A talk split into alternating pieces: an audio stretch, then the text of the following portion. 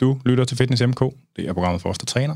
I dag der skal vi snakke om PT Danmark, og øh, vi har samlet den øh, styregruppe, der har været med til at få sparket gang i PT Danmark-projektet. Øh, det er jo sådan en lille smule ananas i egen juice, al den stund er selv med i den her gruppe. Hvis det var nogle andre nogen, der har gjort det, så ville jeg sådan set også have spurgt dem, om ikke vi skulle lave en podcast. Så det er det, vi skal snakke om i dag. Øh, ja, yeah. Øh, så vi skal snakke om øh, sådan visionen, hvad de forskellige styrgruppemedlemmer, hvad de har set som altså deres motivation for at starte arbejdet øh, med, med at lave foreningen, og øh, hvad deres vision er for, øh, hvad der skal ske fremadrettet. Jeg er svært Anders Nedergaard, a.k.a. Dr. Muskel, og velkommen til jer alle sammen. I får lige lov til at præsentere jer selv. Vi tager sådan en rundt om bordet, og starter vi herover med Ivalo, fulde navn og titel, og øh, tilknytning til Mælkevejen og sådan noget i øvrigt. til Mælkevejen.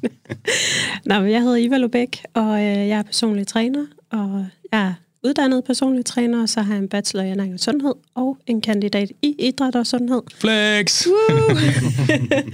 øh, og øh, hvad hedder det? Jeg har mit eget lille PT-studie i Solrød Strand, øh, og har haft det i seks år nu, tror jeg. Cirka 5-6 år. Øh, og jeg er bestyrelsesmedlem i PT Danmark. Nice. Ja. Jeg hedder Emil Sørensen. Øhm, jeg er også personlig træner, og har også en professionsbachelor i ernæring og sundhed, ligesom Ivalo. Øhm, så har jeg sådan meget sådan en teknisk tilgang til, til træning, og, og øh, har prøvet at lave sådan diverse træningssoftware, vanesoftware og sådan noget. Ikke lykkes med noget, men, øhm, men jeg kan overføre noget af den viden til, til PT Danmark, hvor jeg ligesom øh, har stået for sådan meget den tekniske del. Øhm, ja. Yes. Yes. Jeg hedder Thomas Torp, og er også uddannet personlig træner, og øh, arbejder som øh, selvstændig øh, personlig træner til daglig, og er også øh, medlem, bestyrelsesmedlem i PT Danmark. Øh, har været lidt ind over nogle forskellige ting, og lige øh, pt. så har jeg arbejdet mest med førstehjælpskurser, øh, som vi er ved at være nogenlunde øh, i hus med, og skal præsentere for jer. Yes, og jeg hedder Peter Palvi, og jeg er også personlig træner, sjovt nok. Øh, og derudover så er jeg fysioterapeut, øh, og underviser på Fitness Institute i, øh, i hverdagen, hvor jeg gør det ved siden af min, min egen øh, PT-business. Ja. Og jeg, jeg vil lige sige lidt, en lille smule om min egen tilknytning til PT-branchen, fordi det tror jeg, kan jeg faktisk ikke huske, om vi nogensinde snakker om på podcasten. Øh, jeg startede med at lave personlig træning i 2001 eller 2, og så har jeg sådan været tilknyttet forskellige træneruddannelser, øh, altså personlige træneruddannelser som underviser. Og jeg har arbejdet for øh, det, der hedder Europe Active nu, der så hedder, hed IFA dengang, i øh, deres arbejde med at lave de her, kvalifi- de her øh, standards, altså sådan definitioner af, hvad forskellige funktioner eller erhverv i fitnessbranchen skulle kunne. Øh, og har været med til at lave deres lærebøger faktisk også. De går nok ikke særlig gode, men altså, det snakker vi ikke så højt om, men fred, fred være med det. øh, ja, det var introen. Øh, hvis man vil skrive ind til Fitness MK, så er det som altid afn eller på programmets Instagram side eller Facebook. Vi skal have en skiller, før vi skal i gang med dagsordenen.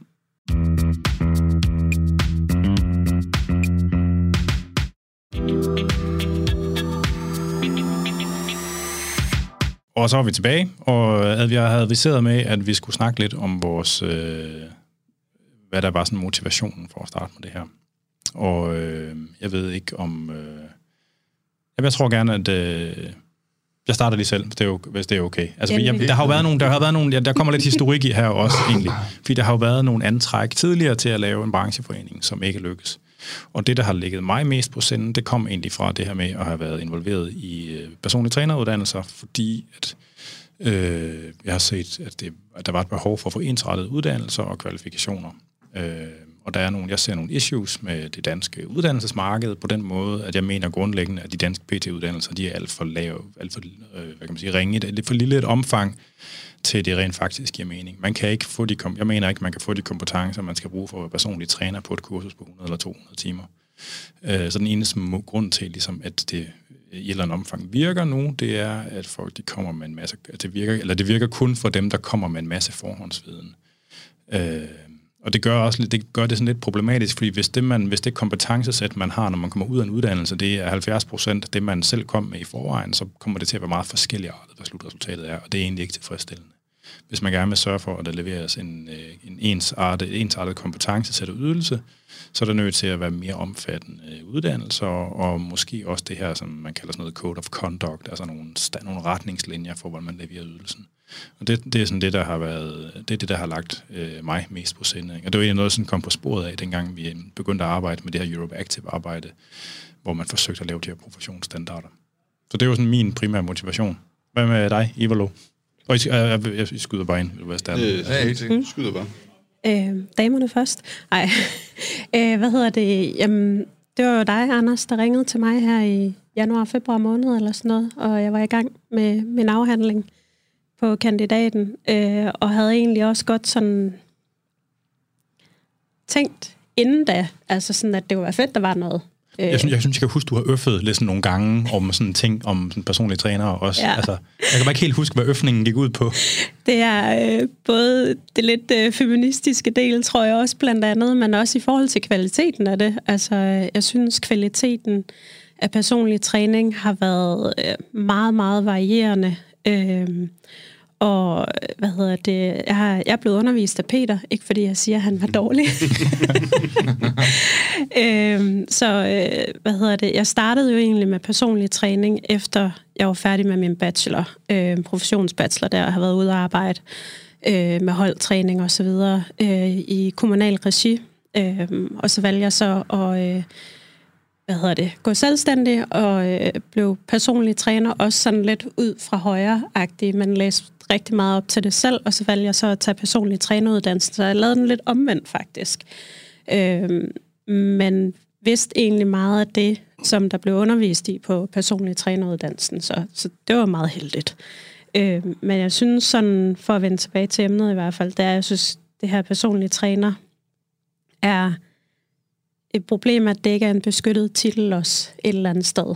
Ja. Øh, fordi at enhver kan kalde sig personlig træner.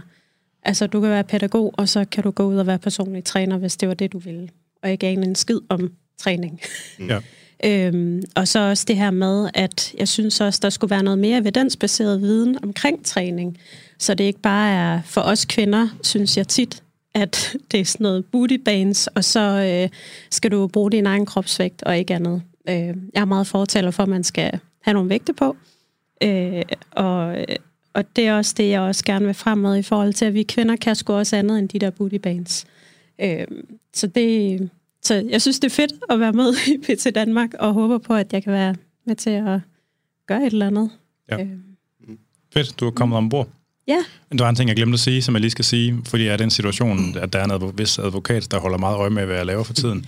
Det er, at jeg laver ikke personlig træning længere. Jeg havde min sidste personlige træningssession tilbage i marts, eller sådan noget og jeg tager ikke nye kunder ind, bare lige for god ordens skyld. Øh. Det er godt at understrege det. ja, så øh, bare lige, ja. Så øh, hvad med dig, Emil?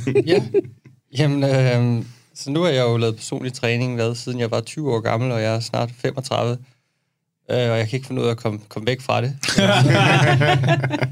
så, øh, og jeg kommer heller aldrig til at lave det enormt mange timer, fordi jeg har også ligesom nogle andre interesser, øh, kan man sige, som, som jeg måske også gerne vil leve af. Men, øh, men hvad hedder det? Jeg har savnet øh, sådan et, et sammenhold i branchen, hvor det ikke kun, man ikke, når man ligesom var utilfreds, henvendte sig til en, en chef i, i fitnesscenteret, men at man ligesom kunne gå til nogen, øh, som havde interesse i at bakke en op øh, fagligt, øh, og som var sådan lidt uafhængig og ikke kiggede, ikke havde adgang til din løn, og, men, men som i virkeligheden sådan så dig som, jamen, hvordan udvikler vi dig som træner, og, øh, og det kræver bare sådan et sammenhold øh, på, på tværs af branchen, tror jeg, for det kan lade sig gøre. Der, der er nogle rigtig dygtige, meget, meget, meget dedikerede mennesker derude, som, øh, som, som informerer om, hvordan man laver adfærdsændring og, og så videre. Og øh, det er jo mega fedt, men det ville også være rigtig fedt, hvis man så ligesom kunne, kunne, kunne lave noget sammenhold sådan på tværs af hele branchen, hvor det, ja, som, som man kan, kan udvikle den, og det vil jeg bare gerne rigtig, rigtig gerne være med til. så og jeg, jeg tror, at øh, jeg henvendte, henvendte mig til Anders, øh, henvendt mig til Anders øh, sammen med Thomas, øh, fordi vi, vi trænede i et center, hvor der kan man sige, det var, der træner vi sådan set stadigvæk, men øh, de samarbejder ikke med Antidopen Danmark, og vi kunne bare se, hvordan at øh, niveauet øh, på den måde, man trænede, og, og, og den måde, man opførte sig på. Øh, og øh, og der, der, der var også en masse coaching, som bare så, så helt forkert ud, og, og jeg tror, at, jeg ved ikke, hvordan jeg skal sige det, vi har snakket meget om det her, men det, altså, jeg synes bare ikke, at det blev sådan, det, vi bevæger os ikke i den retning, hvor man øh, får henvisning af sin læge til personlig træner. Vi bevæger os i en retning, hvor det bare blev endnu mere vilde, det vilde vesten. Øh, og s- ja, jeg vil bare gerne have, at det bliver mere professionelt. Så Ja, så kan man, nu kan jeg sige, Thomas her, i forbindelse med det nu, har Emil tilbragt mig på banen, at det var også sådan, øh, øh, det center, vi trænede i, det, uden at gå for meget ind i den, hele den der øh, dopingdebat, fordi det er en meget, meget stor verden. Øh, men men øh, noget af det, mig og Emil snakkede meget om, det var, at der var jo nogle, øh, at vi oplever, at der er nogle typer, som i hvert fald markedsfører sig øh, med, med, en, øh, med en krop, som de har lavet øh, på en, en, en, do, en dopet vej. Øh, og det var der, snakken for os gik mest på, at uden at tage hele doping-emnet op, øh, så handlede det meget om, at vi synes ikke, at det var i orden, at når man var fungerende personlig træner, at man så øh, var øh, dopet og ligesom havde en dopet krop at føre sig frem på. Altså vildledende Øh, markedsføring. At ja, man, mm, man ja. får det til at se som man er klog, fordi man har store muskler. Præcis. Mm. Og så var det i øvrigt uden at tage hele det der dopingaspekt op med, hvad, hvad, hvad vores holdning var til, hvis man var tidligere OL-atlet, eller whatever det nu var. Men det der isolerede del af, hvis man ligesom markedsførte sig med det. Og det viser sig i første omgang, snakker om mig Emil, det var øh, muligheden for at ligesom, øh, kontakte Antidoping Danmark. Øh, og det gjorde vi selv. Vi lavede et online-møde øh, med dem, øh, bare os to trænere, for at høre, hvad der skulle til, for at vi som personlige træner kunne få lov til at tage deres stempel på os. Og det, øh, det startede i hvert fald sådan for mig, den der starttanke med at få lavet øh, nok så vigtigt som en beskyttet titel, som er besagt øh, tidligere, men lige så meget det der med at få et, et stempel på sig, sådan et, et svanemærket stempel på sig, øh, for ligesom som personlig træner øh, at lægge hovedet på blokken over for slutbrugeren, og ligesom øh, bedst muligt måde bevise, at øh, jamen, de her smuthuller, som der er, og altid vil være, øh, dem, dem har jeg gjort den bedst mulige sikring for, at, øh, at du som slutbruger kan se, at jeg øh, lægger hovedet på blokken for, at jeg gør dem umulige for mig at tage. I hvert fald sværest muligt for mig at tage. Øh, så, så hvad, altså, da, da, da I ligesom havde en vision for en eller anden form for mærkningsordning, hvad for nogle ting tænkte I dengang, den skulle omfatte? Altså, ja. Jamen, da- vi snakkede med Antidoping Danmark, så var det jo meget inden for den der øh, imod en, en, en dopet krop, og det var meget det der med at ikke at skulle stille sig op i det der center, hvor vi både trænede i dengang, som vi også øh, træner i dag, og øh, undgå at skulle lave den der med at pege fingre øh, af nogen personligt, men ligesom give slutbrugeren muligheden for at kunne se, øh, se på, ja, man kan sige, vores rygmærke, og så kunne se, øh, lægge to til sammen, se, at nå, men hvorfor, hvorfor kan de have det der mærke på, når øh, et eller andet 10 tons øh, stiv krop ved siden af øh, ikke kan have det. Øh, ja. ja. Ja.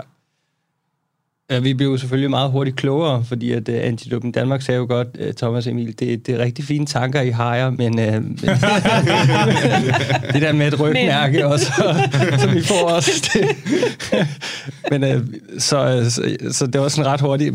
Prøv lige at snakke med Anders, og jeg, jeg havde jo snakket med Anders før. Og så, Sagde de det? Ja, det gjorde de faktisk. Øhm, Ja, de kom, og ind, så- på, de kom ind på i det møde, at vejen det var nok at gå, altså, at, at komme over på en... en øh, Altså, det har jo sådan haft en, har en lidt am- ambivalent historik med Antidoping Danmark. Som er pimpet ud af en øh, organisation, du ikke kan lide. Det er... Åh, oh, nej, men jeg har, det er jo ikke sådan, jeg har jo også lavet ting med dem, men det er, sådan, det er lidt ambi, det er ambivalent. Ja. Men, men ja, så, så tog vi fat på dig, og så var der jo også, kan man sige, en, en hel del øh, flere sådan, facetter, der åbnede sig. Jeg tror, vi var sådan ret meget fra start, at det der med en registreret personlig træner, en beskyttet titel, det var vi helt med på, men det har jo vist sig, at Yeah, that's not gonna happen. så, ja. Øh, ja. Og Peter, det er meget. Øh, ja, jamen, øh, jeg tror, jeg, jeg er jo ligesom Emil også, og Anders også, ikke helt lige så gammel i går, men, men øh, også rimelig gammel i går, har lavet øh, personlig træning i 11 år, må det være nu. Øh, men jeg tror, noget af det, som ligesom var et, en nødvendighed for mig at se, det var, at da jeg startede, var der jo altid et træningscenter, ligesom stod mellem øh, træneren og, og klienten, som ligesom agerede den her kvalitetssikring, hvad det så nu var af kvalitet dengang, det så hvad det er. Øh, men eftersom man mere og mere er PT er sådan at rykke ud af centrene, og folk er mere selvstændige, så er det bare det vilde vesten at finde rundt i. Og jeg tror, noget af det, som jeg synes var nødvendigt, var, at slutbrugerne nemmere kunne finde en træner, der gav mening. øh, og som ligesom vidste stod på mål for nogle forskellige, både moralske og, og faglige øh, standarder og værdier, og det, det var en den primære motivation, tror jeg. Øh, jeg er nødt til lidt at tage selvfølgelig øh, finde institut i forsvar. øh, det, jeg synes selvfølgelig, at vi uddanner nogle rigtig dygtige trænere inden for de rammer, vi ligesom kan. Øh, det er jo klart. Ja, men det er jo rammerne, det er jo igen... Ja, præcis. Jamen, jamen, og det med, men, men jeg synes egentlig, at der er masser, der kommer ud, der er rigtig dygtige. Problemet er, at hvis man går ud, og som andre siger, ikke har en vanvittig lang uddannelsesbaggrund, men man går ud og skal lære at være personlig træner med det, man har, og man kommer til at gå ud på den der fuldstændig øh, altså zigzaggede øh, landevej, hvor man ikke aner, hvor man egentlig ender henne, og tager inspiration fra de forskellige forkerte kilder, så, så ender det også hurtigt med, at man kommer til at være træner, der er farvet af forskellige forkerte ting. Øhm, hvor jeg godt kunne tænke mig, at når jeg nu siger, tillykke med det, du har vundet her der frugt og et eksamensbevis til, en, øh, til en elev, at så, så kan de gå ud og så ligesom blive... Får de hatte? Det, kan vi, det kan vi godt ikke. Jeg, synes, jeg, jeg synes, hatten er manglet. Ja. jeg synes også, der mangler hatte i det danske uddannelsessystem. vi kan, vi kan godt, jeg er uddannet Jeg vil gerne vide, at man kan ansøge om en hat til det. Men ligesom de i USA, de har de der flade, ja, de der dutter. Altså, årgang ja, ja. 2000 Og kapper og sådan noget. Ja, vi skal også have fucking flere hatte i det. Nå, men det vil vi gerne have, at de bliver, at de bliver omfanget af en eller anden form for rammesætning, som, som de kan støtte sig op af. Så, så BT Danmark ser jeg meget som en vigtig ting for at fange mange af de nyere trænere, og prøve på ligesom at, at give lidt en, en storebror mentor for dem. Ja. Jeg ved også, hvis jeg må tilføje, Peter, du brugte øh, ret meget tid, nej, jeg vil ikke sige, men du brugte i hvert fald en del energi på også at fortælle, kan jeg huske, at prøv at høre, det er ikke bare at gå ud og lave træningsprogrammer. Altså, mm. vi, vi arbejder med mennesker, når vi, når vi står og laver personlig træning hos det. Og også i forhold til at sige, at der findes bare meget skrald derude. Ja. Øh, det skal man også være opmærksom på. Så, og det kan jeg huske, det var også nogle, en af de ting, der blev så fast i mig i hvert fald. Det var sådan, at okay, vi skal gå efter kvaliteten her, mm. og ikke kvantiteten. Og, og, det er jo, og det er jo utrolig nemt, ikke? fordi så kommer man ud der, og man føler, at man har nogle forudsætninger, fordi man har bestået, og man har fået en god karakter, og man har ligesom følt sig med i vejen gennem uddannelsen, og så er det klart, det vi ikke rigtig kan give, og det der mangler rigtig meget, det er den der praktiske erfaring. Og det der med at danne sig sin egen identitet som træner, og sige, hvad, hvad er jeg egentlig for en træner, og mm. hvad skal jeg fokus på, hvad vil jeg gerne? Og igen med at falde i fælden med at sige, når man nu er træner, så ser man tre gange Fittest on Earth og tænker, fuck, hvor fedt, mand. Det er nice, det der. Så nu skal Hans Knud på 67 snatche for time, fordi det ser fedt ud. Ja. Altså det der med rent faktisk at lære en, en fornuftig altså en fornuftig trænerproces, ja. det, det kommer kun med erfaring, og den erfaring kan man prøve på ligesom danne ramme for. Jeg har også haft en kæft, en kæft, kæft, en kæmpe, en kæmpe, kæmpe våd drøm om, øh, altså inden for det der med uddannelse, for jeg tror, altså de fleste på Fitness Institute eller en vilkårlig anden uddannelse ville jo også ønske, at det var sådan, ja. at folk de var villige til at betale 50 eller 100.000, mm. så havde man en uddannelse, der varede fucking to år, og så blev man en, øh, blev man en fucking hej, ikke? Mm. Men, men sådan er det bare ikke i Danmark. Det er det i nogle andre lande. Altså ja. bare i Sverige, der er villigheden til at betale for en lang uddannelse meget, meget højere. Det, ja. altså det, og jeg tror i bund og grund i Danmark, der er noget, der udspringer af, at den danske fitnesskultur er blevet nettokultur. Ikke? Ja. Ja. Hvor at så noget som Fitness World og Fresh Fitness selvfølgelig spiller en rolle, fordi mm. når, at, når slutbrugerens betalingsvillighed falder, så trækker der ligesom enormt meget af det andet med ned. Klar. Og, og det, det, det, det tror jeg ligesom har spillet en rolle sådan i historikken omkring det i den danske fitnessbranche. Vi har faktisk kigget lidt på at lave sådan en efteruddannelse til folk, der har været persontræner i x antal år. Ja, øh, ja. Og så hvad, hvad, kunne man måske bygge noget ovenpå. Ja. Og det er der ikke rigtig, der er ikke rigtig interesse i det. Nej, øh, men, men det, jeg vil sige, det, var, det, det, jeg vil sige, det var den våde drøm, det var, at man havde en uddannelse, hvor at man havde sådan en trainee-forløb på bagefter, hvor man så havde ja, kaninstationer, ja, ja. hvor man måske ja. kunne sælge kaninstationerne billigt, så de blev brugt mm. til at finansiere uddannelsesforløbet. Ikke? Men det kræver, at man har et samarbejde med et sted, hvor man kan sælge de her kaninlektioner. Mm. Ikke? Altså, det vil, det vil være sådan en kæde som Fitness World eller sådan noget, der mm. skulle kunne gøre det ja. der. Ikke? Men det vil bare være sådan, fuck, hvor ville det være lækkert, at man havde sådan, at mm. man havde mentoret sessioner øh, til at øve sig på det der, fordi det er jo noget af det sådan humaning, der sådan er helt kritisk. Men det, og det er jo den kultur, der kommer nu, og rigtig mange kommer ind og bare skal have det her certifikat så hurtigt som muligt, så de kommer ud og tjene big box på at, at lave træning. Kan lige så. Audi, jeg skal rolle. ja, altså, og øh, øh, Ivalo, du sagde noget, som... Øh, det, fordi nu kommer vi hen til... Øh, du sagde noget med, at der bliver lavet nogle skrællede ydelser. Mm. Og nu, det fører frem til en ting, så nu kommer der lige sådan en disclaimer. Øh, fordi at, vi har jo vi har alle snart, sammen snakket om det her med online coaching, før det startede, og det er et eksempel på et af de steder, hvor det meget let bliver de her skrællede ydelser. Øh, og jeg har jo haft et personligt engagement i, øh, i at lave noget af det her larm omkring online coaching, blandt andet i form af den her Instagram-profil, der hedder Dårlig Online Coaching. Og det er sådan to forskellige hatte, og det vil, øh, fordi at det her med, og på dårlig online coaching, det der sker, det er, at man deler øh, nogle af de her dårlige øh, klienthistorier, der findes fra online coaching. Og grunden til, at, øh, og det er noget, jeg deler med min forlovede Katrine, og grunden til, at vi gjorde det, det er fordi, at der aktivt og passivt ligesom er en undertrykning, en under, undertrykkelse, under, undertrykkelse af, ja. af, af, de, øh, af de dårlige historier. Altså, øh, fordi at den måde, som coachingen bliver leveret på, den fører ofte til, at folk, det går dårligt, for de skammer sig, så de har ikke lyst til at dele deres historie. Og man beder kun folk om, altså man trækker folk ind i en diskurs med vægttab, ikke? hvor man spørger folk, mens de har tabt sig. Ikke? Man spørger dem ikke igen, når de har taget det meste på, som vi ved, de fleste gør. Øh, så, og udover det, så ved vi, at når der kommer sure reviews på Trustpilot på de online coaches, så er der flere af dem, der betaler øh, klienter for at fjerne dem igen. Og det gør ligesom, at der er en aktiv og en øh, passiv undertrykkelse af de dårlige historier, og derfor skal de have det, skulle de have et sted at leve. Og øh, så bliver det, det bliver gjort med navnsnævnelse af de online coaches. Og øh, det er en, øh, det, det er et voldsomt tiltag, synes Eller det er objektivt set et voldsomt tiltag, det er jeg med på. Og jeg er også med på, at alle ikke synes, at det er en nice måde at gøre det på. Øh, men det er jo et problem, der er pågående, og selvom Lenus og nogle af de her coaches trods alt har gjort noget for at gøre det bedre, så er der bare rigtig lang vej i mål. Øh, Øh, og det er stadigvæk, altså jeg, jeg ser det stadigvæk personligt som en af de største skandaler, der nogensinde har ramt den danske fitnessbranche, eller sådan sundhedshelsebranche. sundheds-helsebranche. Altså, øh, altså jeg har personligt været i kontakt med i hvert fald 100, måske 200 mennesker, som enten har manifesteret en spiseforstyrrelse for første gang, mens de har været i kløerne på en online coach, eller fået aggraveret en, en noget forstyrret spisning til noget, der sådan er rigtig skidt undervejs. Ikke? Øh, og så er det hele elementet ligesom af almindelig snyd, at man har, at man vidderligt er blevet stillet i sku, at man kunne skrive med den her coach selv, og så har det været en eller anden øh, altså en eller anden person, ikke? Og, hvilket bare ikke er i orden. Ikke? Hvis vi skal, som, som, hvis, som Emil siger, hvis vi skal frem mod sådan et sted, hvor at, øh, der er trænere, personlige trænere i sundhedshusene, eller at sundhedsforsikringerne har en bestemt faggruppe, de kan pege på til at hjælpe med at løfte sundhedsniveauerne på arbejdspladser og sådan noget, så skal man væk fra det der. Det dur simpelthen ikke. Øh, og, og, og det er jo det, som PT Danmark handler om. Altså, og det er jo to forskellige hatte, som jeg personligt øh, sidder med, og det er, er der nogen, der har svært ved at se, hvordan man kan have det. Og det kan jeg godt forstå. Og det er noget, som jeg har talt meget med min forlovede om også, hvordan man manøvrerer det. Øh, men det, altså, så, så dårlig online coaching handler om det her med at informere slutbrugere om, at der er et problem med dårlig online coaching, at når man køber online coaching, at så kan man godt risikere, at man kommer til at have en coach, der sidder med hundredvis af klienter om gangen, og så får man ikke den her skræddersyede personlige ydelse, som de adviserer med. Og det er et kæmpe problem. Øh, det, som der er i BT Danmark, det er jo, sådan, det, det er jo der, hvor, at, hvad kan man sige, det er jo der, vi forsøger at være konstruktive. Før alt det her startede, havde vi jo også et møde med Lenus, hvor vi for eksempel anbefalede at implementere sådan et spørgeskema for forstyrret spisning til at forsøge at screen for dem, der måske er mest sårbare i forhold til at udvikle spiseforstyrrelser. Det har de også implementeret i et eller andet omfang, men det leder så til, at hvis folk bonger ud på det der spørgeskema, så forhindrer det ikke coaching der klienten alligevel, men fred være med det. Altså, så det er bare, PC Danmark, det er forsøget på ligesom den konstruktive vinkel. Øh, men problemet er... Helt fred være med det.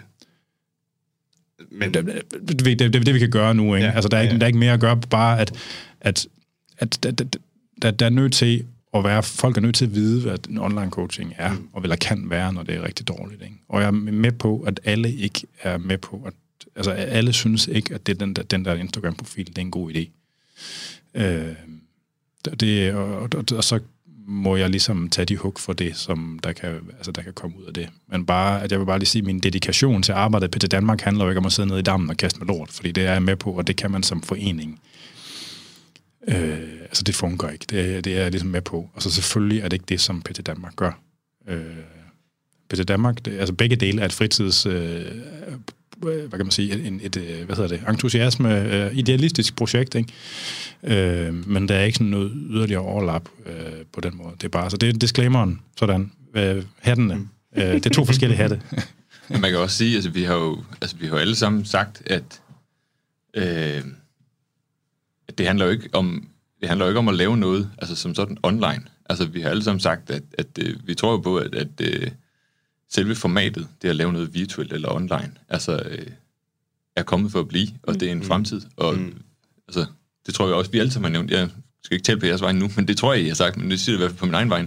Altså, jeg, jeg tror det personligt på selvfølgelig, at man i fremtiden kan lave øh, personlige træningsprodukter og ydelser øh, via et, et online øh, virtuelt format, som har høj, høj kvalitet. Altså, øh, det er bare en meget, meget spæd verden lige nu. Øh, og så kan man sige, det der med, at, det så lige nu er, øh, er, er online-delen, hvor, hvorhen at vi sådan ser altså sådan mest, vi kan kalde sådan skandalting lige nu, det, det, det er, hvad det er, men, men det, det er jo, altså, som jeg ser det, så er det også bagudrettet. Altså en, en, øh, en historie, fitnessverden har haft som sådan en, en voksende jungle, hvorhen at, man har nok været fascineret af, altså jeg kan huske, da jeg gik på, på institut, der, der, der fik vi også altså, hele tiden nogle, nogle taler om, at, at, at, at jamen, det vokser og vokser hele det her øh, fitnessunivers i Danmark. Øh, og det, det skaber en masse sådan øh, kreative veje, øh, men det gør også, at der taber en masse styring i det. Øh, og der har jo været andre områder før, altså online. Det er jo ikke fordi, at online det er sådan nu er den første skandaleområde øh, i dansk fitnesshistorie. Det har der jo været længere tilbage før, og der kommer der også nogle fremtidige nogen. Øh, så vores, vores vision er jo også at samle øh, alle, der vil, øh, at det skal være et bæredygtigt og fremadrettet erhverv, uanset hvad for et format man mm. i øvrigt begår sig på. Øh, og så ligesom lukke de... Altså jeg ser det som sådan en stor sig, hvor vi skal lukke alle de, de huller, som man potentielt set øh, kan tage. Ikke at sige, at man, man tager dem, men at man ligesom kan vise, de her huller ved jeg godt, der potentielt set er i fadet. Mm. Og dem lukker jeg. Dem, dem gør jeg transparent, jeg gør det synligt øh, for, for alle og enhver, at, at, at de er til stede, og at, at, øh, at dem lukker jeg for mit eget virke. Ja. Øh. Mm. Jeg tror, noget, noget af det, der kan være det gode ved online coaching, det er jo, at altså, okay, det bliver sådan en mærkelig formulering. Nogle af de issues, det gør måske også, at man kan også at tillade os også at putte projektøren lidt på nogle af de issues, der er med almindelig øh, fysisk personlig træning, fordi man kan sige, nu er det, der, der er et issue med personlig træning, øh, med online coaching, at de har de her bindingsperioder, ikke? og så er der masser af folk, der synes, de har ikke fået det produkt, de har leveret, og grunden til, at de, ikke synes, grunden til, at de kan synes det, det er, at der ikke er en særlig tydelig kundeaftale, en samarbejdsaftale mellem træneren og kunden.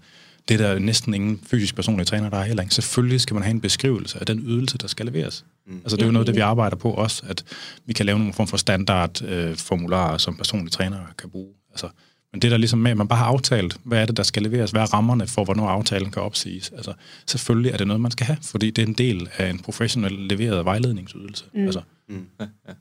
Jo, jo, og, og nogle af de der ting, vi også ser nu med, med altså, folk, der er gået i stykker, sådan øh, rent fysisk har fået muskelskader eller ledskader eller et eller andet, og så bagefter bliver sådan helt øh, forbavset over, at øh, og jeg troede, det var en faglig øh, uddannet person, og det har vi set nogle af de der online øh, historier, at, at det har sådan været. Om det er jo også sket med fysisk træner. Det, det er jo sket med fysisk træner ja. før. Altså, det, er jo ikke, det er jo ikke noget nyt fænomen. Altså, øh, så, nu foregår det bare online. Ja. Også. Men, så, men, men så, så vil til et andet ting. Trænerforsikringer, ikke? Altså erhvervsforsikringer til personlige træner, det er der sat mig også mange, der ikke har. Altså, mm. selvfølgelig skal det også være det. Ja. Altså, fordi det hører med til levering af en professionel vejledningsydelse. Mm. Altså i mange andre erhverv, hvor man, hvor man har et ansvar, der ligesom, hvor, hvor hvis ikke man lever op til det, så kan det lægge folk, gøre folk, lægge folk til last eller til skade på en eller anden måde. Der er det jo et lovkrav, at den her, altså advokater, der er det et lovkrav, at man har en, sådan en erhvervsforsikring, ikke? eller for håndværkere, eller sådan Selvfølgelig altså, skal man også hen mod det for trænere. Altså. Ja. Du ligner en, der var ved at sige noget før, Ivalo. Øh, jeg kan ikke lige huske, hvad jeg var med. Jeg tror, det var nogenlunde det samme, som Thomas han kom ind på. ja. men, men i forhold til det her med forsikring også og sådan noget, øh, ved jeg, nu er min mand i forsikringsbranchen, og ja, man skal have en forsikring. det var det første, han sagde til mig, da jeg startede op. øh, hvad hedder det? Men også i forhold til det her med, altså den her afstemning, altså forventningsafstemning, der er, fordi det vi har hørt, nu trækker lige det her online coaching ind, det vi også har hørt jo, er, at folk har jo troet, at de har talt med den coach, de troede, mm. de havde fået, men at det så har været nogle andre. Ikke?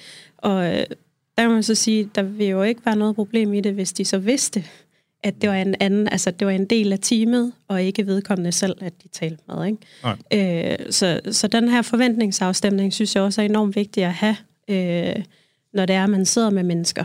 Altså, mm. ja. øhm, og jeg havde en pointe med, nu kan jeg ikke lige huske den, den, den kommer nok senere så hiver jeg den lige op. Men jeg synes, at vi er nået til det punkt, der ligesom handler om, øh, hvad vi har lavet indtil nu. Mm. Ja. Øh, ja.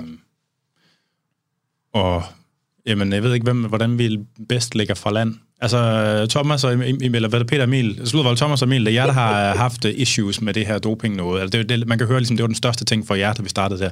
Ja, vil, I ikke beskrive, vil I ikke beskrive, øh, hvad vi har lavet der? Øh, jo, det vil vi. Selv, altså, Anders, du og jeg har jo siddet med den bold på det, mere på det sidste, men... Øhm, Jo, jo, jo, men så Ja. ja. Emil. Jeg vil ja, øhm, Jeg skal nok være med. Jamen, øh, i virkeligheden, så, øh, så skal... I hvert fald den del, jeg har bidraget meget med i PT Danmark, det handler jo meget om noget kedeligt, som sådan bare skal fungere.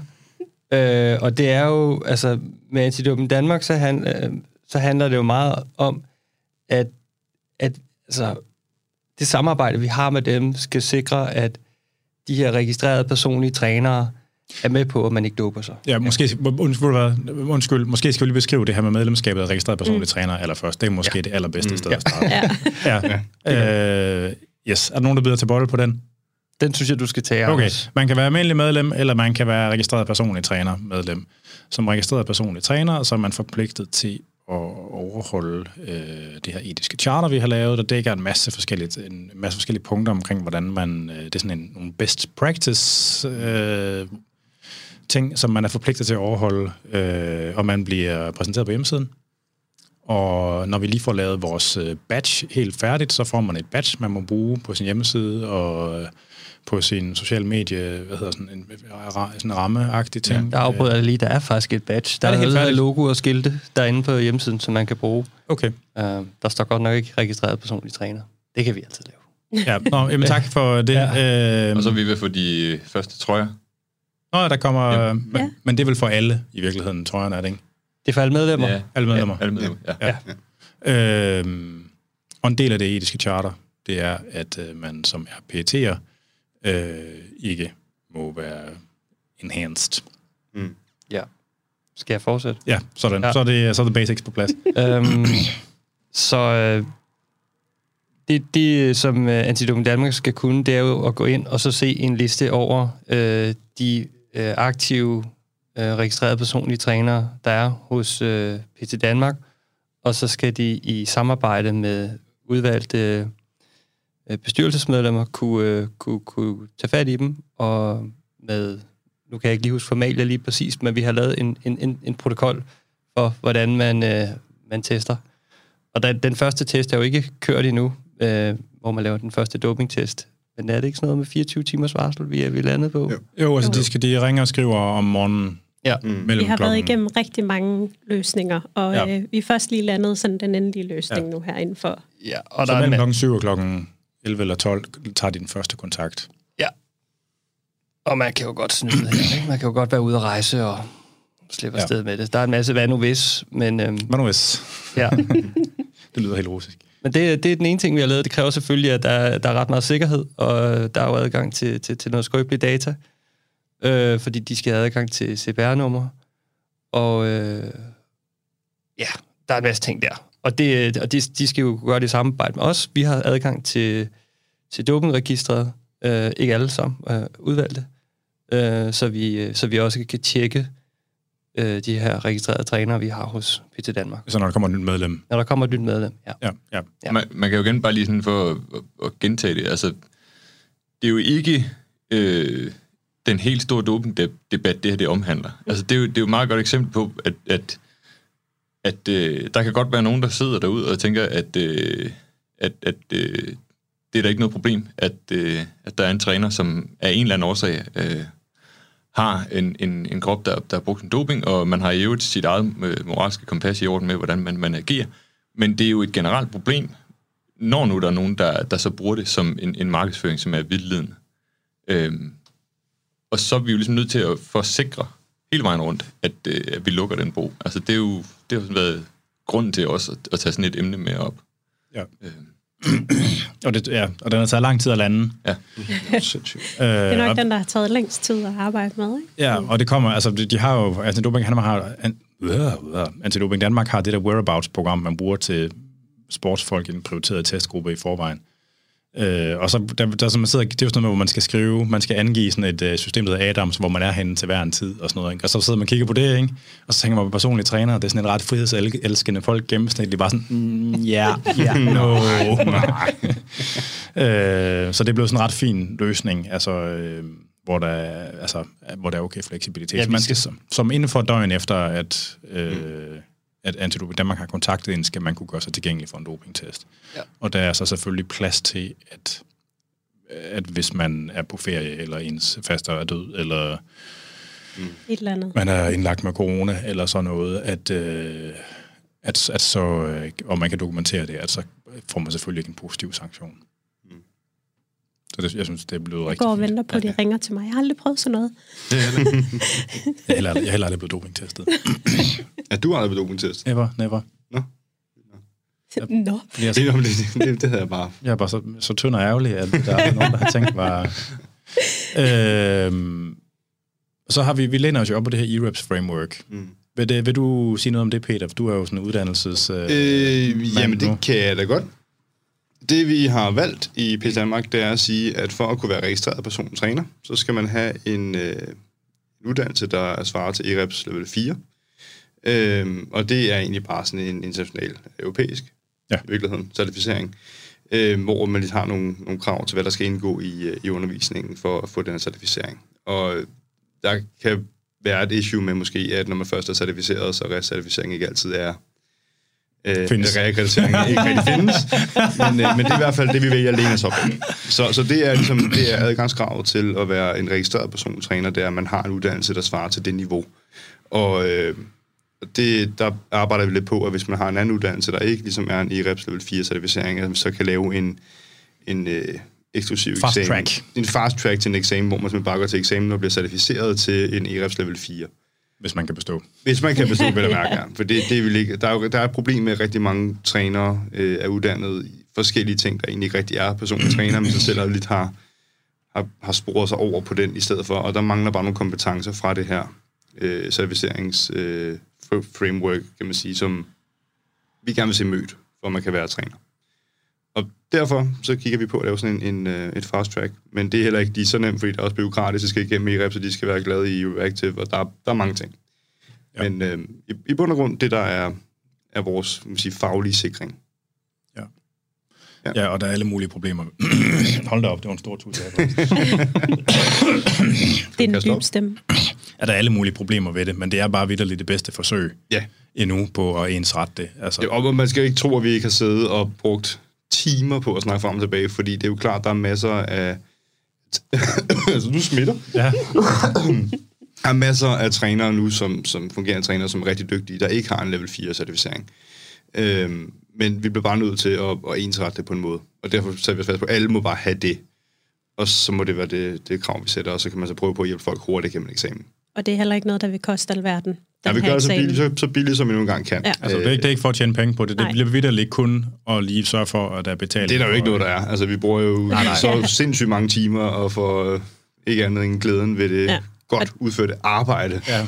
ud af Og det. Pride and a cuff. Ja, nå ja. Og så, øh, og så er det måske også vigtigt at sige, at alt det her, vi laver, er jo frivilligt arbejde. Vi, Ja. ja. vi får jo ikke penge for Nej, nej, nej. at være medlem af PT Danmark. Nej. Nej.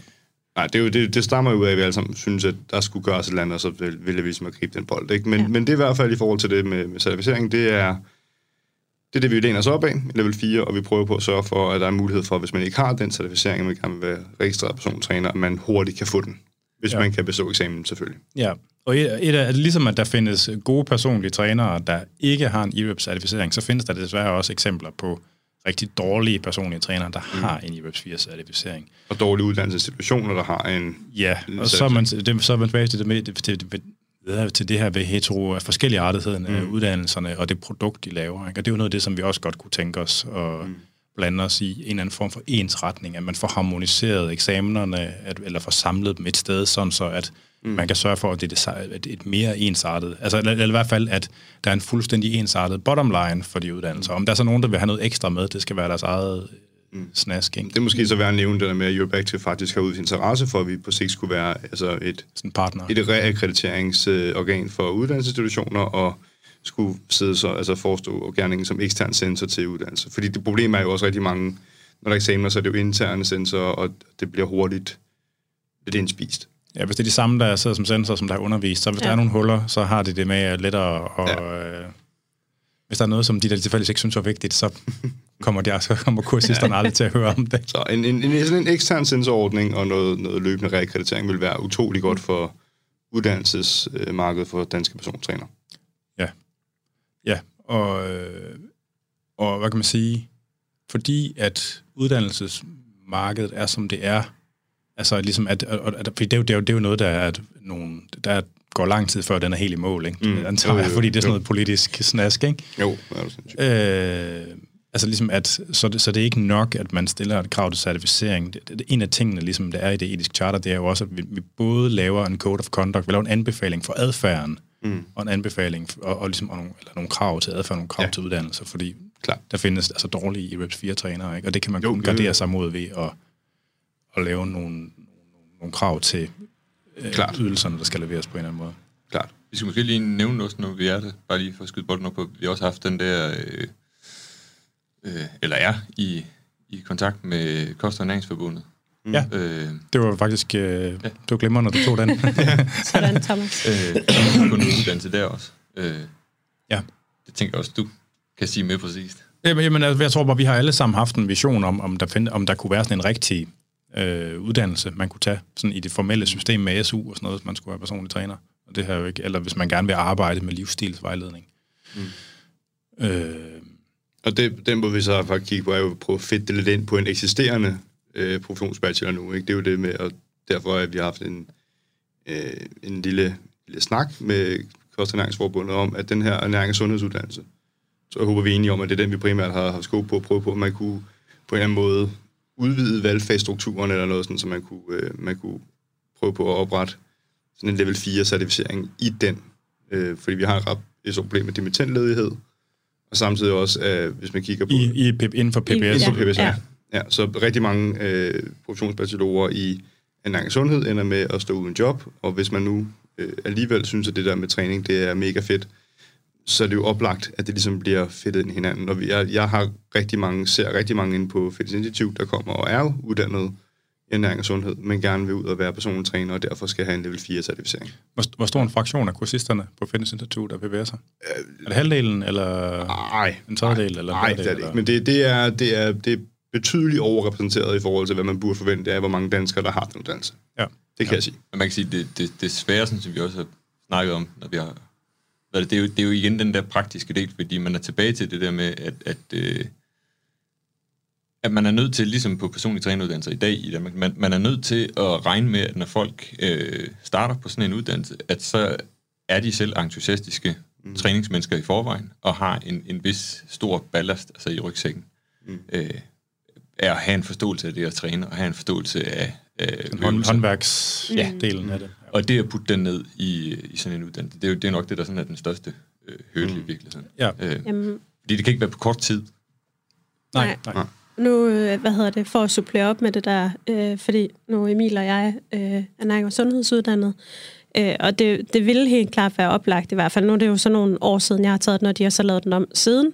Men i forhold til det her med at have et semester eller et eller andet i forhold til noget personlig træning, fitnessinstruktør, sådan, så man ligesom kunne bygge det op lidt ligesom mm. på for eksempel Fitness Institute, ikke? Mm.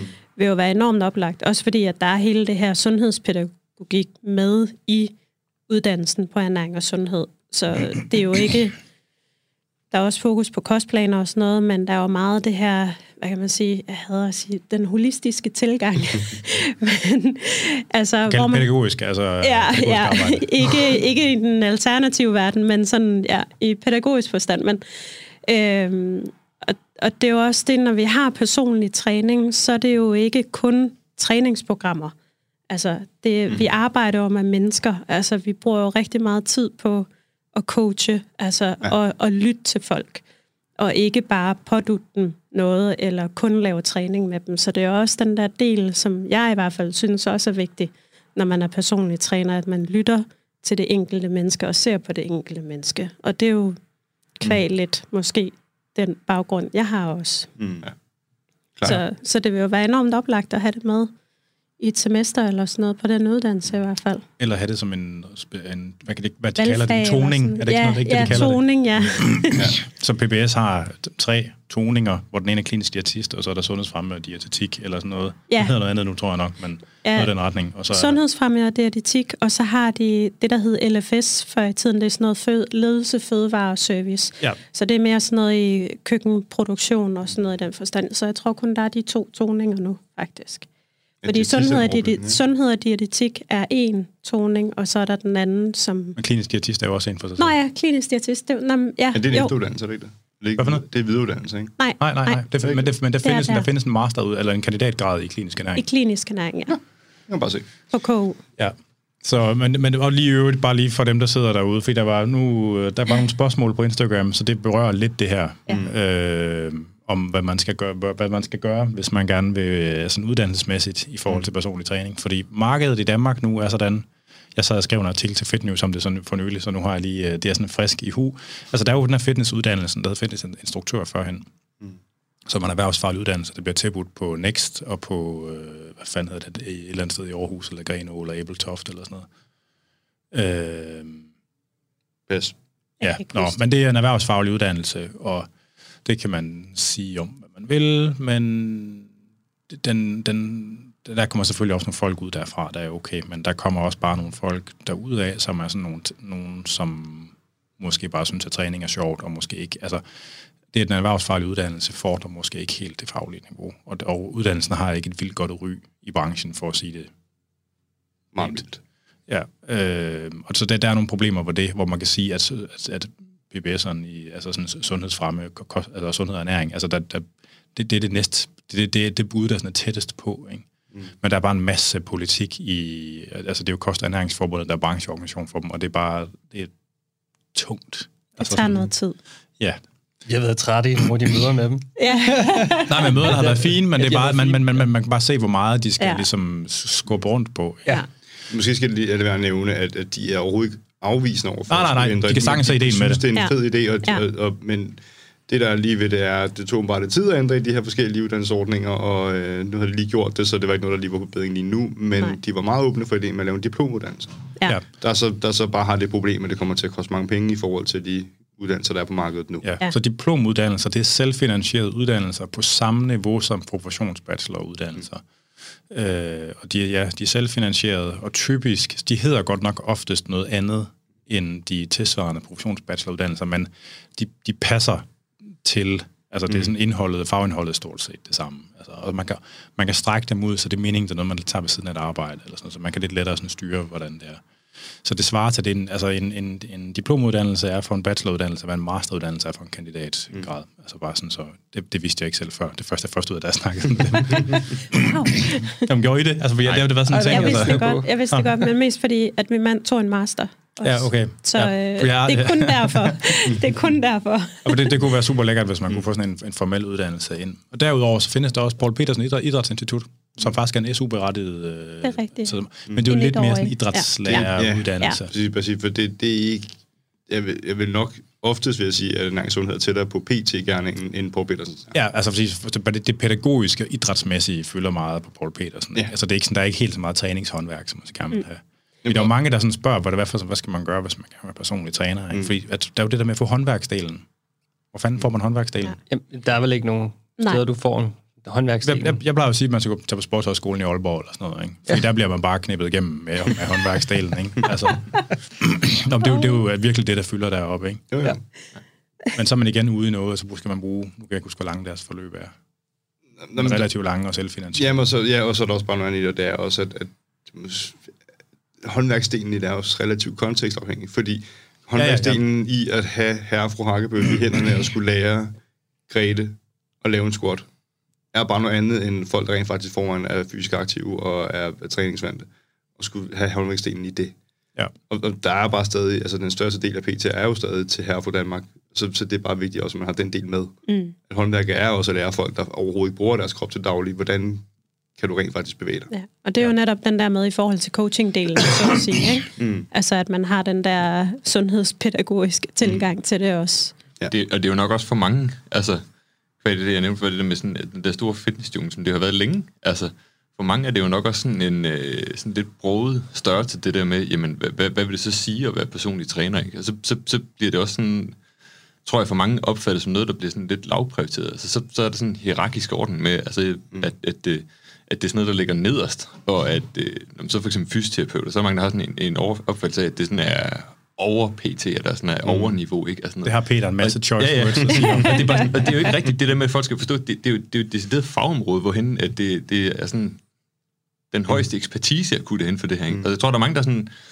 jamen, så er de ikke selv øh, uddannet, eller kan noget fagligt stof, sådan, udover at de så selv kan træne på, på, et, på sådan et, et okay niveau, og det, det kan de give videre til herre fra Danmark. Og så bliver det sådan lidt øh, herre fra Danmarks øh, umiddelbare opfattelse af, hvad personlig træning er. Sådan, om, er, det ikke, er det ikke dig, der sådan laver et program til mig, og så skal du lave mm. en, en, en plan, jeg skal følge, og så skal du jo stå her, ikke? Og så bliver, og så bliver det bare sådan noget, nå jamen, så, så er en PT bare sådan en fucking rip counter, ikke? Mm. Altså, så bliver det lidt sådan en stereotyp, op, stereotyp opfattelse af det, øh, mm. som man ja. også skal væk fra, altså.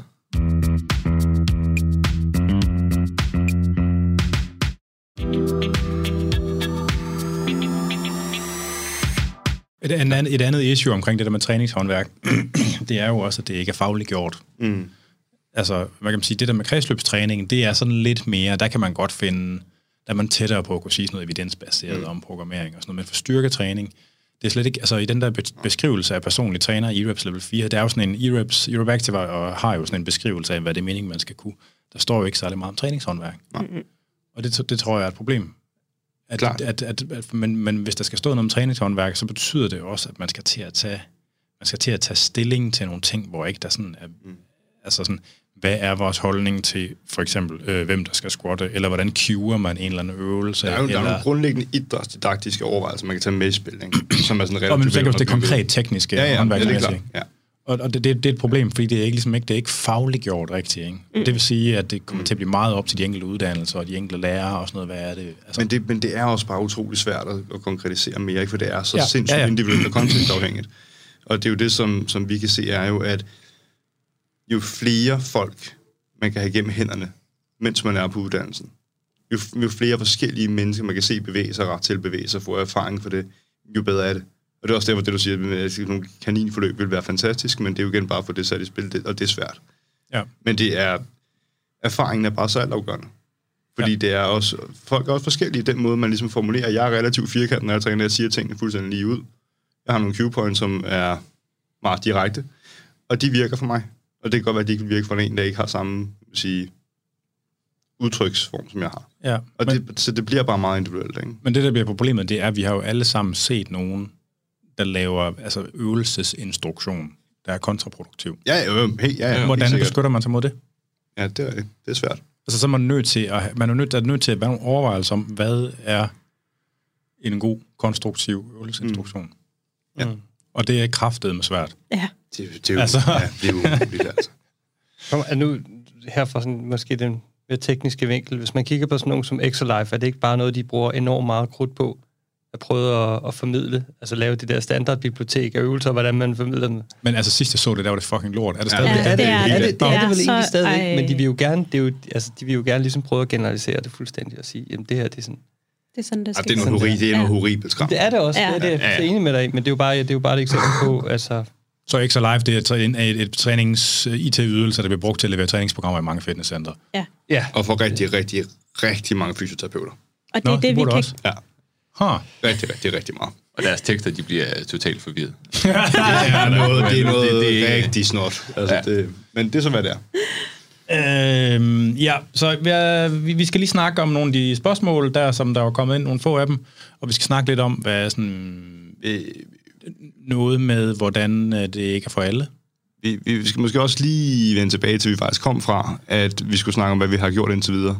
Ja, Og, og, og så kom Det det, ud, og så kom det ud af en, af en 19 forskellige tangenter. ja, ja, sorry, sorry. Jeg plejer at holde jer i kort snor, men øh, Ja. den, den går ikke helt i dag. Ja, du har været forpestet i halvandet. Ja. Så, så kort og kort er det virkelig vildt. Vi har snakket om, vi har, en, vi har landet en aftale med Antidope i Danmark nu, om et testforløb. Vi har, øh, har nogle føler ude med samarbejde med forskellige øh, mere eller mindre store spillere i fitnessverdenen.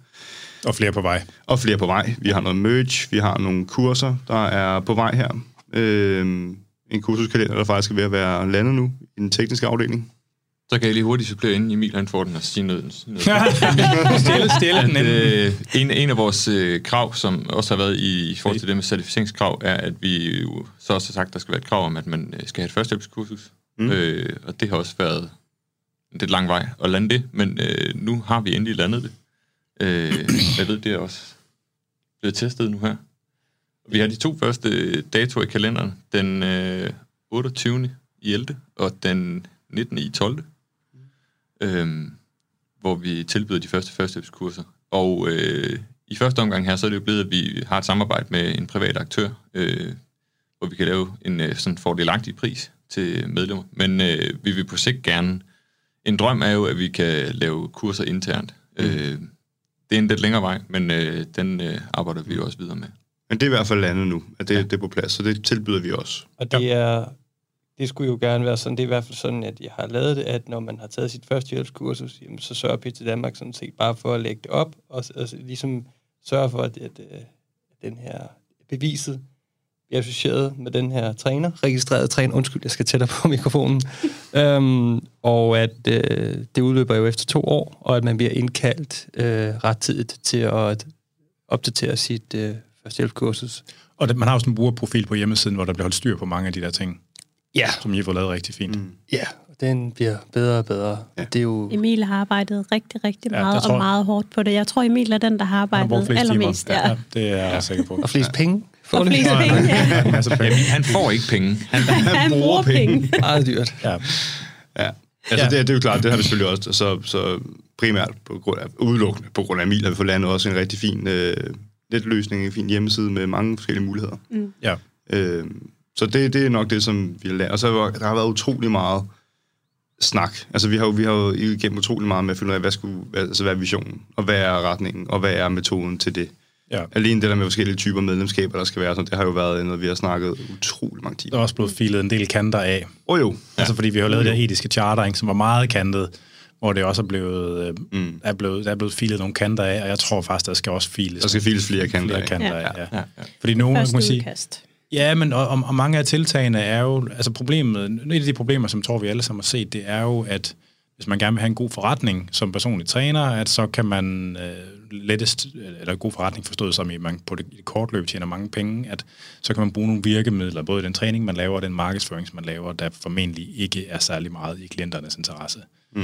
Øh, en af tingene er for eksempel det her med at bruge de her afklædte transformationsbilleder, som vi har en holdning til. Ja.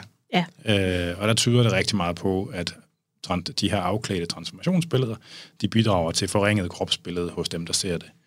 Øh, og det er jo primært et værktøj, som coaches bruger til at sætte sig selv i scene. Og det har vi en holdning om, at man skal træner ikke skal bidrage til, at klienter får forringet kropsbillede. Mm. Man kan finde alle mulige andre måder at fortælle, at ens klienter har fået et bedre liv på, end at de står i undertøj i profil. Og eventuelt med lidt uh, hårdere lys efter end før. Mm. Og sådan, altså, det, så- altså, det er en af de ting, og det er der bare nogen, og det er ikke for alle. Ja, og vi har jo vi har mange våde drømme, men en af de våde drømme, vi har, er jo også det der med, at vi vil, vi vil jo gerne have...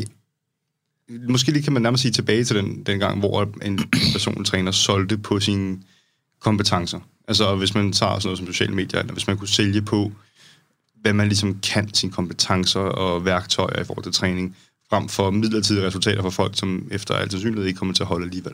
Ja. Øh, det, det, det, vil være, det vil være en fed ting at arbejde hen imod, det der med, at kompetencer sælger, Ja. Ja. i stedet for I stedet midlertidige for resultater. billeder. Og, Ja. ja. Ja. Fint. Øh, jamen, er det, det, det er vel til, det, vi har sådan nået, er det ikke? Jo. Jamen, Jo. aller, aller sidste bold. Vi, øh, det er jo en lille ting. Vi har sat sådan nogle øh, netværksmøder i stand fire. Mm, Ja, ja. Vi har sat nogle netværksmøder i stand, og vi er afledt på stykker, men det er jo også noget, vi regner med, at vi gør løbende. Øh, Ja. Og vi har, øh, jeg ved ikke, har vi en dato på plads med, vi snakker om, vi skal til Odense? Nej, vi skal til Odense, men vi skal lige have aftalt Ja. mm. øh, med dato. Og så ja. bliver Aarhus derefter øh, også. Og Odense bliver, det bliver jo Strong for Life. Ja, Strong for Life har sagt ja til det. Nice. Øh, så det er downtown Odense næsten. næsten. Og det Det vil vi er jo det meget gerne, øste fedt PT-studie i det østlige Helt Odense. vildt. Helt det vil vi jo meget gerne have til sådan en kultur, at, øh, at folk også samles, at øh, personlige træner kan mødes øh, på kryds og tværs. Øh, mm. Og en flok øl og nogle Sure. squats. Ja, så der bliver sådan lidt, øh, lidt øh, fredagsbar-stemning altså for, for personlige trænere også. Ja. Øh, Ja. Fordi vi vil jo gerne have et... Altså, øh, et godt netværk og et godt sammenhold. Altså, at, at vi ligesom også kan spare med hinanden. Mm. Øh, også der laver personlig træning, om ikke andet. Ja, ja, ja. Og det kunne også være, altså på, lidt, ude på, lidt ude i horisonten, kunne det også være fedt at have sådan en årlig trænerkonference. Ja, Mm. Ja, Øh, Yes. det kunne virkelig være nice. det er en af de det- våde det- drømme også. Ja, det er også Ja, en- det, det, er, det er en af de større våddrømme, ikke? Ja. Ja. Øh, men der er allerede, det her, der er allerede noget, noget på vej der, tror jeg, som øh, Cliffhanger. cliffhanger.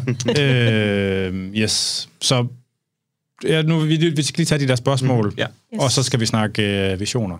Ja. Øh, Uh, det da. øh, for der er en, der spurgte, hvad er sandsynligheden for en reel fagforening? Øh, og så er spørgsmålet selvfølgelig, hvad er en reel fagforening? Ja. Jeg synes, Ja. Det synes jeg, det er der jo allerede. ja det, øh, men der er, jo nogle, der er jo nogle ting i det, øh, så det kommer selvfølgelig på, hvad man mener reel fagforening. Altså, vi kommer jo ikke til at forhandle løn. Nej, men vi, er, vi kommer til at skulle snakke med HK og mm. sådan nogen om, altså sådan så, at det, altså det, det, der er jo mange specialbrancheforeninger, der så ligger under Mm. øh, HK, eller kontor og erhverv, eller hvad fanden det nu er. Ikke? Mm. Og det kunne, håber jeg også på, at vi på et tidspunkt får fedtet os ind i.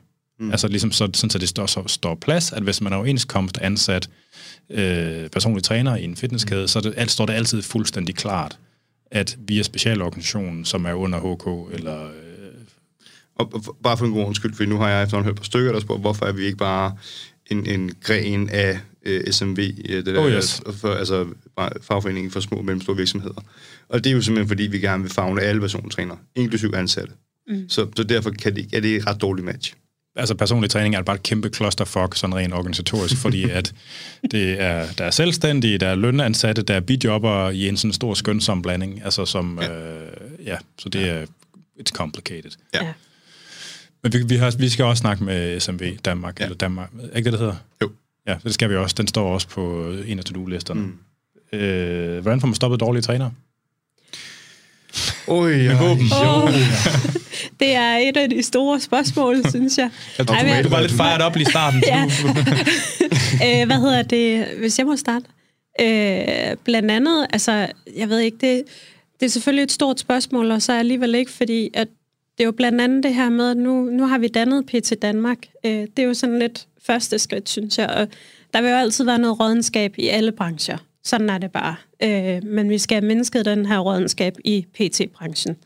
Øh, og, øh, og der er jo også blandt andet det her med at... Øh, hvad kan man sige, lidt ligesom som vi snakker om lige før, det her med, og at man kan andet, altså man kan vise sine kompetencer på andet end øh, G-strengsbilleder, forstår mig ret. Altså at man står med de her før-efter-billeder osv. Øh, men netop det her med, jamen, hvordan skal jeg forklare det, det er lige den der... Øh, men at vi måske også skal være lidt mere fremme i skoene på en god måde, os der øh, arbejder på en anden måde end, end de der hurtige en fart, eller smart i en fart, eller hvad I nu kalder de der fyre. Øh, Øh, så, så den tror jeg blandt andet er en vigtig del af det. Øh, fordi jeg kan da se for eksempel Thomas, han er skidegod, når øh, han er på Instagram. Mm. Peter, kan vi diskutere? Nej. Tak for det. Tak for det. Ja. Det er ikke min øh, hjemmebane, det der. men han er okay, Peter. Det er mig, der har fået ham med. ja, det er godt. øhm, men ja, men jeg tror også, at vi måske på en eller anden måde skal lidt mere frem i skoen. Nu siger jeg vi, fordi jeg føler mig selv som en af de gode. øhm, men at vi måske skal være lidt mere frem i skoene på en anden måde, end, end hvad de andre er, hvor at det er på øh, hurtige resultater og øh, ja, bare kropbilleder. Og, og der, der kan jeg lige, der vil jeg lige stikke den hårdt ind, for det, det er oplagt, fordi, som Ivalo selv siger, vi føler os jo alle sammen som nogle af de gode. Mm. Det, det er der jo masser, der gør. Øhm, og, og spørgsmålet er også, hvad er en dårlig træner? Jeg tror, noget af det, som, som er vigtigt, og noget af det, vi har fået mere med øjnene op for os, er det der med, at det er ikke op til os at diktere altid, hvem er god og hvem er dårlig. Det, det vigtige er, at vi ligesom kan i synliggøre og talesætte, hvem, altså for slutbrugere, hvem der ligesom repræsenterer, hvad de rent faktisk gerne vil købe. Så jeg tror, at noget af det, som er svaret på det spørgsmål, er ganske enkelt at få forbrugerne af personlig træning til at forvente mere af personlige trænerydelser. Ja. Det, det, vil, det vil helt klart være et, et rigtig godt skridt i den rigtige Og også stille krav måske også som Mm. mm. slutbruger, altså som klient, eller Mm. øh, at man egentlig også stiller nogle krav og spørger. Og, Ja. ja. Altså jeg tilbyder for eksempel uforpligtende samtaler, når folk har været på, til uforpligtende samtale, så får de ikke lov til at sige ja med det samme. De skal Mm. mm. hjem og så lige overveje, om de overhovedet gider at starte. Ikke? Altså, ja. øh, og det får de et par dage til, og Ja. ja. der er ingen sure miner her, hvis de ombestemmer sig. Nej. Øh, fordi det synes jeg også er god etik. Men det, og, det er jo lige, og det er jo det, som... Altså, det, er jo, Så du siger, du har ikke en aggressiv telefonsælger? Nej, det er kun det mig er en selv. fejl. Det er en Og kæmpe jeg stor er fejl. mega dårlig til at sælge mig selv. Det får du også ikke roligt tur af, jeg at sige det. Nej. øh, men, men det, og det er jo det, hvor at, at PT Danmark jo, den her registrerede trænerordning, er det værd at nævne, er jo ting som noget, hvor man ligesom i sidste ende, en af de andre våddrømme, er, at her for Danmark kan genkende det som sådan et nøglehulsmærke for en træner, der står på mål for nogle moralske og faglige ting. Ja. Man kan så også sige, altså, jeg synes også personligt, det er vigtigt at, at nævne hele tiden, øh, fordi nu, nu sidder vi øh, fem mennesker, som, som, som gerne vil altså, have tingene op på højt niveau øh, hele tiden. Øh, men det der med fælles fællesnævneren, det er jo også noget med, at vi, vi skal jo finde sådan den, den vi skal jo finde den, den acceptable øh, laveste bare hver gang. Mm. Mm. At vi så gerne vil sætte den bare forholdsvis højt, det er, jo, en- det er jo en anden ting. Det er jo det der med, at vi gerne vil kvalitetssikre, sådan så at at det laveste niveau, man kan forvente med det her svanemærket, som det, drømmen ligesom er, at når her for Danmark ved, ja, at det der mærke ligesom er der, så, så kan man forvente et, et lavt niveau, som er på et, et, højt Et, niveau. et, et højt laveste Et, niveau. et højt laveste niveau, ja. ja. Og jeg, jeg plejer sådan lidt at sammenligne det med, altså hvis, hvis, man, hvis man har været på ferie i New York, så ved man, hvad jeg snakker om det, der, er sådan, at der, der ved man godt, at man, der er et hav af taxaer, og man ved godt, at hovedreglen er bare, man sætter sig kun ind, ind, i, ind i en yellow cab. Man ved ikke nødvendigvis om, øh, hvad for en, chauffør det er, og, og, og det kan der godt være forskelligt men man ved bare, altså hvis ikke du vil buttfuckes, så sætter du dig bare ikke ind i noget, der ikke er en yellow cab. Mere eller mindre Og sådan er det bare. Ja. Øh, og, og, og det er jo lidt sådan en sikringsorden, vi gerne vil have. Ja, ja, for jeg tror, altså, jeg tror, ideen, når man skiller sig af med de dårlige trænere, det kan man ikke. Nej. Fordi at der kommer ikke til at være en beskyttet titel, sådan fungerer det bare ikke i Danmark. Øh, men det, man kan gøre, man kan sætte en streg i standet, og så kan man sige, på den ene side, der kræver vi en adfærd. På de, no- nogle, af de, nogle af de eksempler, hvor man kan sige noget om en bestemt type adfærd, som, der, som vi vil sige er god eller dårlig, ikke? dem kan vi jo beskrive, og det har vi gjort i det etiske charter. Og så kan man sige, at det her det er klubben for dem, der ligesom gerne vil gøre det pænt. Ikke? Fordi man kan ikke skille sig af med de dårlige trænere, man kan bare gøre det bedre og mere bæredygtigt. Og Der, Og der er jo også en gruppe af trænere, der bare helt åbenlyst ikke kommer til at passe ind i vores rammesætning. Ja, ja, ja. fine træner. Altså sådan nogle konkurrence-prep coaches kommer ikke til at passe ind i vores framework, Nej. for eksempel. Men okay, øhm, jeg, jeg tror godt, man kan gøre lidt mere, i og med, at man ligesom pointerer, hvad er, De er uheldige hvad, ting. ja, hvad er det, der ikke er i orden. Øhm, der er jo også nogle af de træner, som, altså, ja, det er i hvert fald noget af det, jeg i starten har tænkt mig over, at kan vi, kan vi prikke til nogle af dem, der er lige ved at falde i, eller er faldet lidt i, og hive dem op, øh, og bede dem om, at, om, om de måske kunne, kunne, kunne ændre lidt på nogle ting, og så vil de rent faktisk passe ind i formatet. Mm. Og det, jeg, tager, jeg, jeg prikker folk på skulderen, øh, som, som jeg kender øh, i branchen. Vi kender alle sammen. Øh, vi, vi er jo trænere her, øh, undtagen Anders. Øhm, og øh, og vi kender alle sammen enormt mange trænere. Jeg synes, det er vores ansvar. Øh, også alle medlemmer af PT Danmark, og også dem, der har tænkt sig at melde sig ind. At prikke hinanden på skulderen, lige gøre hinanden opmærksom på, hvad man synes, der er i orden og ikke er i orden. Mm. Fordi det er virkelig en stærk ting. Altså, hvis man kender, hvis der er en, man kender, man fortæller dem noget, man mener, så har de virkelig, øh, så tror jeg, de er meget mere tilbøjelige til at tage den feedback til sig. Ja, det tror jeg. Øh, og det følelsesmæssigt, det, det vejer bare virkelig tungt. Og det, mm. Så medmindre man er en rigtig dårlig træner, så tager man det ikke til sig. Rigtig dårlig træner. Der er, så er der et spørgsmål, der hedder råd til en nyuddannet PT'er. Uha, det er svært. Og øh, den vil jeg gerne slå øh, til 10, eller hvad hedder det, på. Fordi jeg synes, der er en kritisk ting, som man kan lære af hele det her Lenus online coaching cirkus. Fordi det, som Lenus leverer, det er jo, at de har sådan en full stack forretningsudviklingsløsning. Og, der er, og, det, og det er merkantile, det forretningsmæssige element, det fylder ikke så frygtelig meget på, på uddannelserne. Og nogle af de sådan, hvad kan man sige, forretningsmæssige ting, hvordan brander man sit produkt, hvordan finder man ud af, hvad det er for en ydelse, man skal sælge, og til hvem, og hvordan får man lavet en god historie om det, som passer på en med, det man har på sin hjemmeside, og det man har på sine sociale medier. Det er der rigtig mange, der ikke har en særlig, særlig stærkt begreb om, og det er noget af det, som Lenus de har leveret til trænere.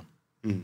Øh, for, måske ikke så meget branding i virkeligheden, men det kunne man godt gøre væsentligt skarpere. Nu kan man sige, der er mange af dem, der, der forsøger at sælge noget til mere eller mindre til alle også. Altså, jeg så Asbjørn Nielsen, han var specialist i kropsforandringer for kvinder og mænd og gamle og unge. Eller sådan et eller andet. Bare sådan, wow. Så alle sammen.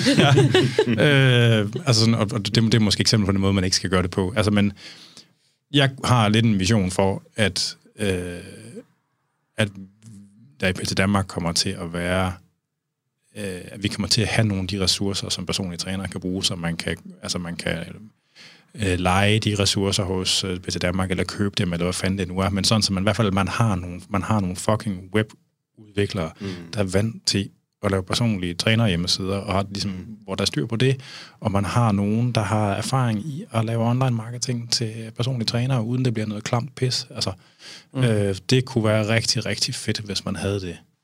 Øh, det var bare, altså fordi det, det, der med, at man har den her forretningsudviklingspakke, det kan noget. Ikke? Og det er jo også bare, der er jo enormt mange øh, af os, som jeg tænker, der også har haft tredjeparts, tredjeparter til at lave online annoncering, eller lave hjemmesider, ja. eller sådan noget.